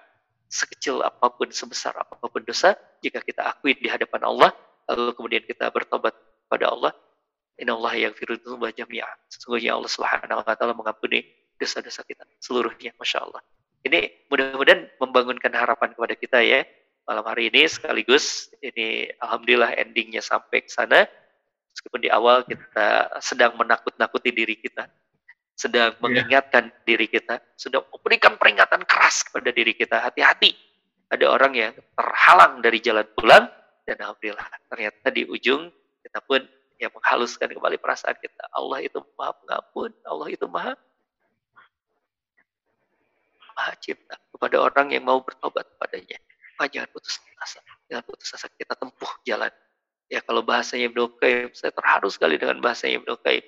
Jika engkau menemukan dirimu uh, dalam dosa-dosa Ibnu Qayyim maka bertindaklah seperti seorang musafir seperti seorang peminta-minta di hadapan rumah uh, tuannya. Dia di hadapan rumah tuannya dia mengetuk-ngetuk pintu meskipun pintunya itu masih tertutup dia terus menepuk mengetuk-ngetuk pintunya itu dia menunggu di depan pintunya itu dengan perasaan harap, dengan perasaan cemasnya itu. Maka ketika terbuka saja sedikit pintu itu, dia berlari, berhamburan. Lalu kemudian berkata, ya Tuhanku, ya Tuhanku, ya Tuhanku. Maka begitulah saat kita menemukan diri kita melakukan dosa. Kita berhenti terus di pintu taubatnya Allah Subhanahu wa taala, di pintu pengampunan ya Allah. Kita ketuk pintu ampunan ya Allah, ya Robbi, ya Robbi. Ya Robbi, Fagfirli, ya Rob, Fagfirli, ya Robbi, Fagfirli. Allahumma ini afun karim tuhibul afa fafu'ani. Terus menerus kita mengingatkan itu semuanya. Maka ketika kemudian terbuka sedikit saja pintu ampunan dari Allah, kita berhamburan, Ya Rob, terima kasih Ya Rob. Meskipun dalam banyak dosa-dosa yang aku lakukan, tapi kemudian kau masih memberikan kesempatan aku untuk kembali, masih memberikan nikmatnya untuk sujud kembali, berdiri di hadapanmu, sholat, membuka Al-Quran dengan segala hina yang pernah aku lakukan dengan mata aku. Maka ini berarti Allah sedang membukakan pintu kita untuk pulang. Berhaburlah kita di pintu pulang itu, berlarilah kita di pintu pulang itu, lebih dekat lagi kita kepada Allah, dan jangan sampai kemudian kita lupakan bahwa kita pernah mengetuk pintu Allah ini. Jadikan itu sebagai satu hal yang melukai jiwa kita sehingga kita enggan lagi untuk melakukan dosa ini. Mudah-mudahan Allah Subhanahu wa taala termasuk ya menghitung kita, menghitung tobat kita, mengangkat tobat kita, lalu kemudian mengabulkan tobat kita. Allah Amin ya rabbal alamin. Masya Allah. Jazakallah ya Ustaz. Barakallahu fiqh. Uh, Semoga di atas ilmu yang Ustaz sampaikan tadi, uh, Allah menjaga kesehatan Ustaz, memberikan Amin. perlindungan dan meliputi keluarga Ustaz Amin. dengan keberkahan. Amin ya Amin ya Allah. Juga untuk Satu hal yang tadi anda... dari dari yang dari kata tadi yang terakhir, uh, semoga dia juga menjadi sebaik-baik ilmu, ilmu yang bermanfaat, Amin. ilmu yang merubah pemahaman kita dan membuat kita menjadi orang yang lebih baik lagi. Hmm. Dan satu hal tadi, jangan putus asa terhadap rahmatnya Allah. Masya Allah. Amin, amin, ya Rabbal Alamin. Alhamdulillah, Rabbil Alamin. Ustaz Hatur Nuhun pisan atas materinya. Amin, amin. Uh, kita sama-sama saling mendoakan juga ya, Kang Angga. Amin, insya Allah. Amin. Kita yang tadi hadir di sini, yang tidak hadir juga, semoga semuanya senantiasa diberikan kesehatan, senantiasa Amin, ya Allah. dengan Allah dan kita juga mungkin termasuk menjadi orang-orang yang senantiasa bertaubat ya supaya Amin. bisa dicintai Allah. Ya. Jadi dan sebagai penutup mungkin mencoba mengulang mangga empat poin di dalam taubatan nasuha tadi uh, dengan tekad yang kuat menghadirkan hmm. sesal tidak mengulangi dosa uh, dosanya lagi dan menjauhi teman-teman yang masih melakukannya.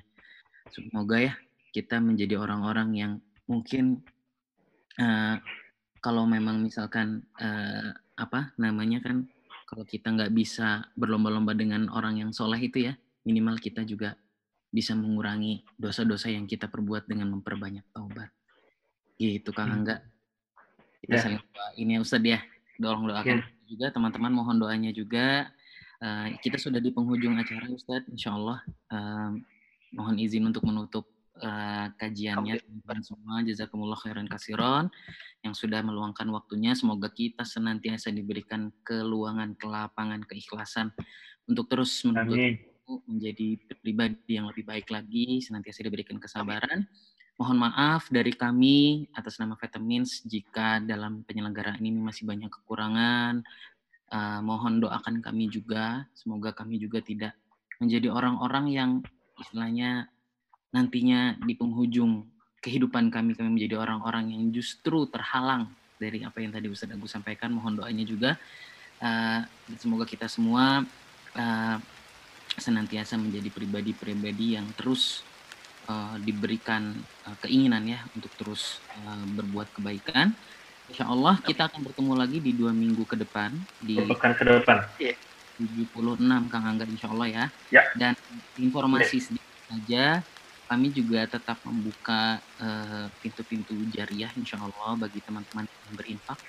Insya Allah akan kami salurkan untuk penyelenggaraan operasional kajian uh, kami uh, yang nanti kalau untuk dapat informasinya lebih lanjut teman-teman semua bisa menghubungi uh, Instagram kami @vitamins. Paling itu saja. Kang Angga ada lagi nggak yang perlu kita sampaikan? Aman, cukup. Hatur nuhun. Ustadz, jazakumullah khairan kasiro. Oh ya, Allah. Kita sampai sampai bertemu lagi Ustadz di kajian. Insya Allah. berikutnya. Insya Allah ya. Insya Allah. Nah, teman-teman teman-teman semua, eh, saya Rifki dari Cimahi dan ada partner saya, Saya Angga dari Cimahi. Kami semua dari Cimahi. Ustadz juga dari Cimahi. Saya juga dari Cimahi ini. Mohon pamit pada malam hari ini sampai bertemu lagi di kajian vitamins berikutnya. Wabillahi taufiq wal hidayah. Wassalamualaikum warahmatullahi wabarakatuh. Bang. Waalaikumsalam warahmatullahi wabarakatuh. Sami-sami hatur nuhun sedaya. Wabarakatuh. Barakallahu fikum jami'an. Amin.